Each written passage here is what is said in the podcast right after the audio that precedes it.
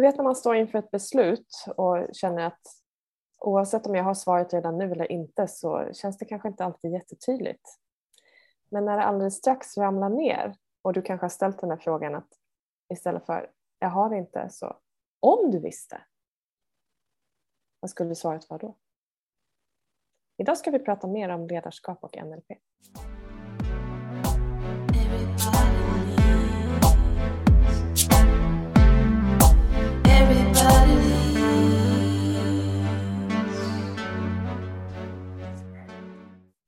Att leda sig själv, att leda andra underlättar ju med att eh, känna till lite verktyg och eh, grunden i, i kommunikation, hur vi fungerar, att vi är, är, olika och sorterar på olika sätt. Och förra veckan så pratade vi just om det här med grundvärderingar. Vi pratade om hur vi sorterar eh, intryck på olika sätt, hur vi eh, kommunicerar.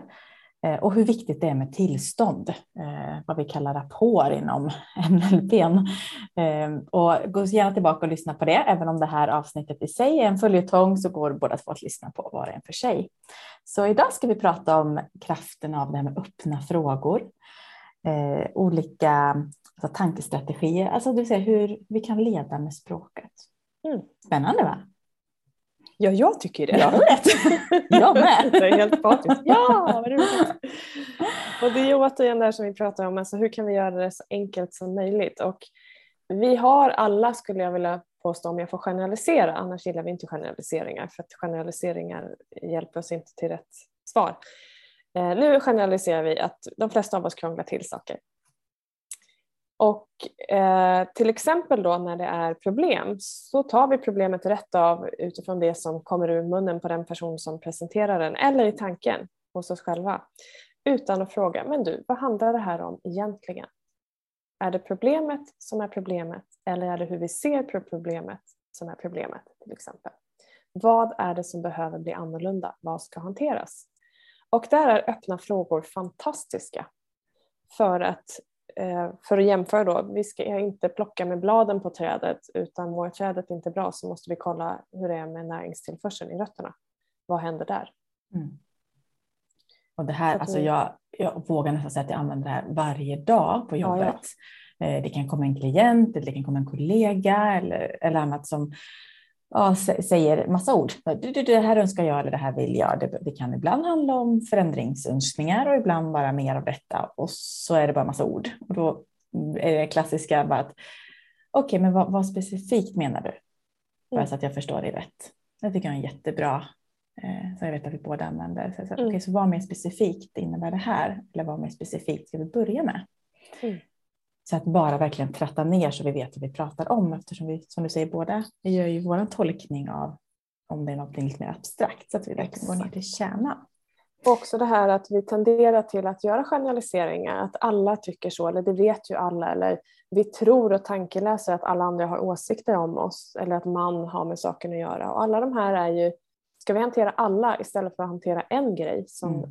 brukar vara det som är kärnan i det hela, så hamnar vi i ett läge där vi är på liksom effektsidan, att vi är styrda av omständigheterna istället att vi går till, till sak och hanterar vad är det egentligen som jag behöver göra för att känna att jag har möjlighet att påverka. Mm. Och eh, skilja på det som jag kan påverka från det som jag antingen behöver gilla läget eller flytta mig bort ifrån vad som jag inte kan påverka. Mm. Så det är väldigt bra eh, för att klargöra och förenkla det som mm. behöver förändras och justeras. Eller kanske klargöra vad är det som funkar och göra ännu mer av det i eh, flera sammanhang. Eller som frågan då i början där att om vi är i ett låst läge, ja jag, jag hör att det inte går att ändra, men om det gick, hur skulle det vara då? Mm. Och då skickar vi ut hjärnan från problemsidan till lösningssidan och börjar leta lösningar istället och fokusera på det. Så en sammanfattning egentligen, om jag förstår det rätt nu Jenny, så är det att hör vi generaliseringar som folk, många, man, de, alla tycker att. Eh, Måste, borde, ja, mm. kan, kan inte. Så är det en väldigt bra start att börja, okej, okay, men så vilka mer specifikt pratar vi om nu när du säger alla? Mm. Eller många tycker. Det kan ju mm. vara jättevanligt på en arbetsplats att ja, men vi, vi är många som tycker så här. Tar vi med oss hela flocken, fast det kanske mm. bara är jag som tycker något, det kan ju vara en, en trygghet. Eller att vi är väldigt vana att prata i man. Det var en sån där vanlig sak som, som jag ändrade om ett tag. Eh, för jag är bara van att man tycker eller man, man borde. Bara, men jag tycker. Det är jag mm. som. Så det, det, kan mm. ibland, liksom, det var inte något menat i det utan det är bara en vanlig sak. Så okej, okay, så vilka specifikt pratar vi om nu? När vi säger alla eller många. Ja, ah, men det är den och den och den. Eller det, ja, men det, det vet vi, det är ju många här. Ja, ah, men vilka då mer specifikt mm. eller hur många? Det är mycket nu. Mm. Okej, vad, vad mer specifikt är det som är mycket? Vad, låt, låt, oss skriva ner eller vi börjar. En annan sån här generalisering är jag har inte råd. Mm, den är kul. Okej, hur mycket pengar behöver du då? Nej, det vet jag inte. Bra att börja med det. Ja. eh, och där har ju liksom mål och delmål och allt det där. Mm. Alltså, allting som kan tydliggöras gör ju att det blir enkelt för vi vet var vi är på väg och vi vet vad vi behöver göra eller vad vi inte ska göra. Så att fantastiskt. Sen har vi den andra delen, det här är ju att specificera språket och göra det tydligt. Eh, mm. Den motsatta delen det är ju att leda med språket, alltså använda vagt språk och det kan ju mm. låta lite märkligt då varför vi skulle vilja göra det. Och det vi vill göra med vagt språk, eller eh, egentligen då vad det vaga språket står för, det är att vi skapar valmöjligheter som ger en riktning. Så om jag vill leda dig Sofia i att hitta ett svar så vill jag att du ska hitta det svaret nu eller alldeles strax eller kanske om en stund. Så att jag ger dig alternativ som visar på att du hittar dina svar. Men jag vill inte säga att, eh, att du inte skulle hitta svaret. Mm. Jag vill inte ställa en fråga som kan besvaras med nej där. Kan du hitta att, svaret?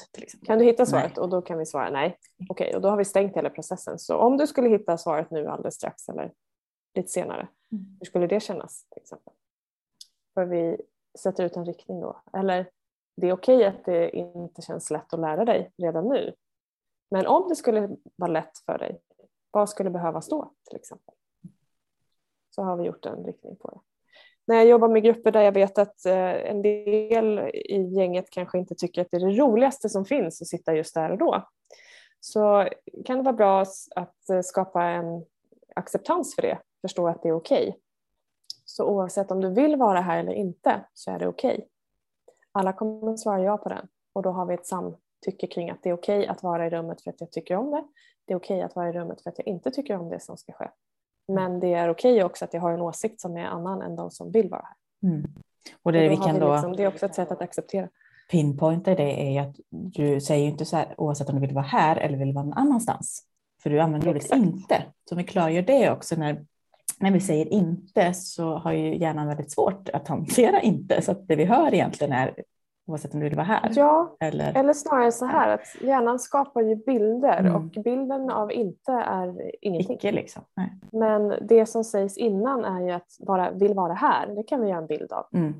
Så medvetet så kommer vi känna att okej, okay, jag har valet att känna att jag inte vill vara här.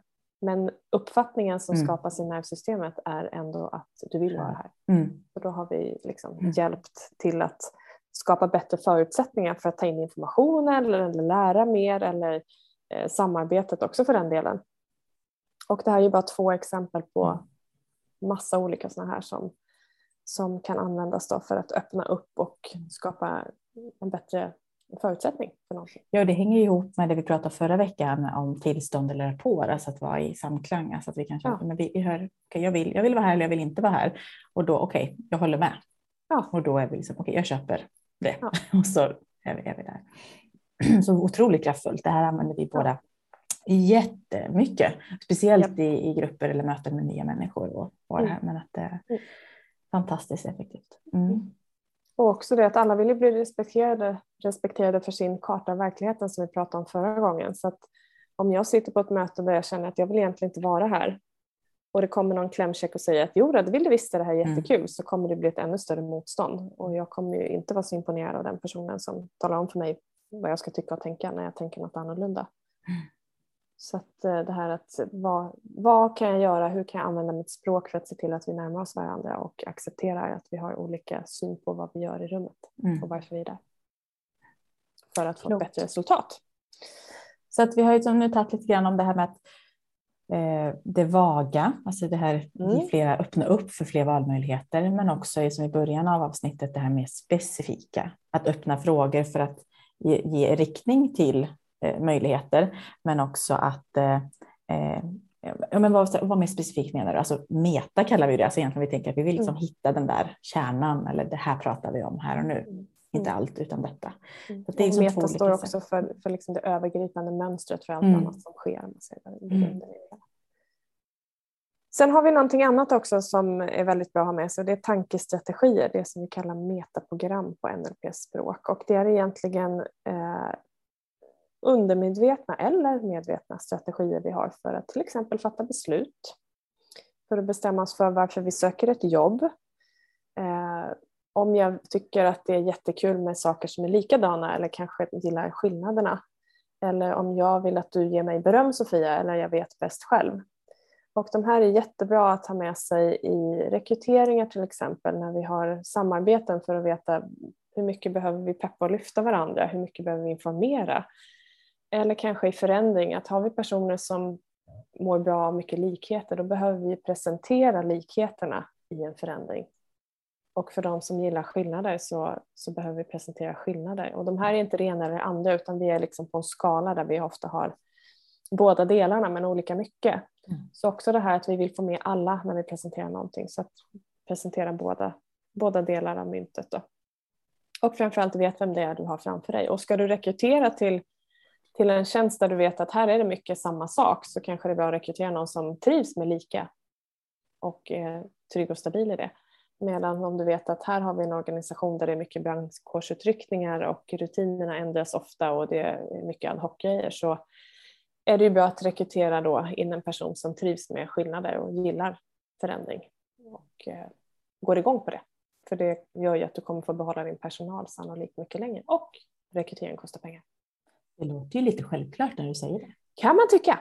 kan man tycka. ja, det kan jag också tycka. Och då gäller det att lyssna ja. på språkmönstren och ställa ja. rätt frågor. Som mm. sagt, eh, webbinariet eh, kikar lite mer på det än vad vi pratar om nu. Eh, och sen är det det delar som ingår i NLP, då, NLP-utbildningen. Jo, det här är ju ett, ett webbinar vi, vi nämnde förra avsnittet där du ja. ganska nyligen pratade om just NLP och ledarskap och gick in i de här delarna och det är väl fantastiskt att kunna gå in och lyssna och titta på det för dig som vill med. Så att vi lägger länk i, i båda de här avsnitten för, för dig att kika närmare på det. Yes.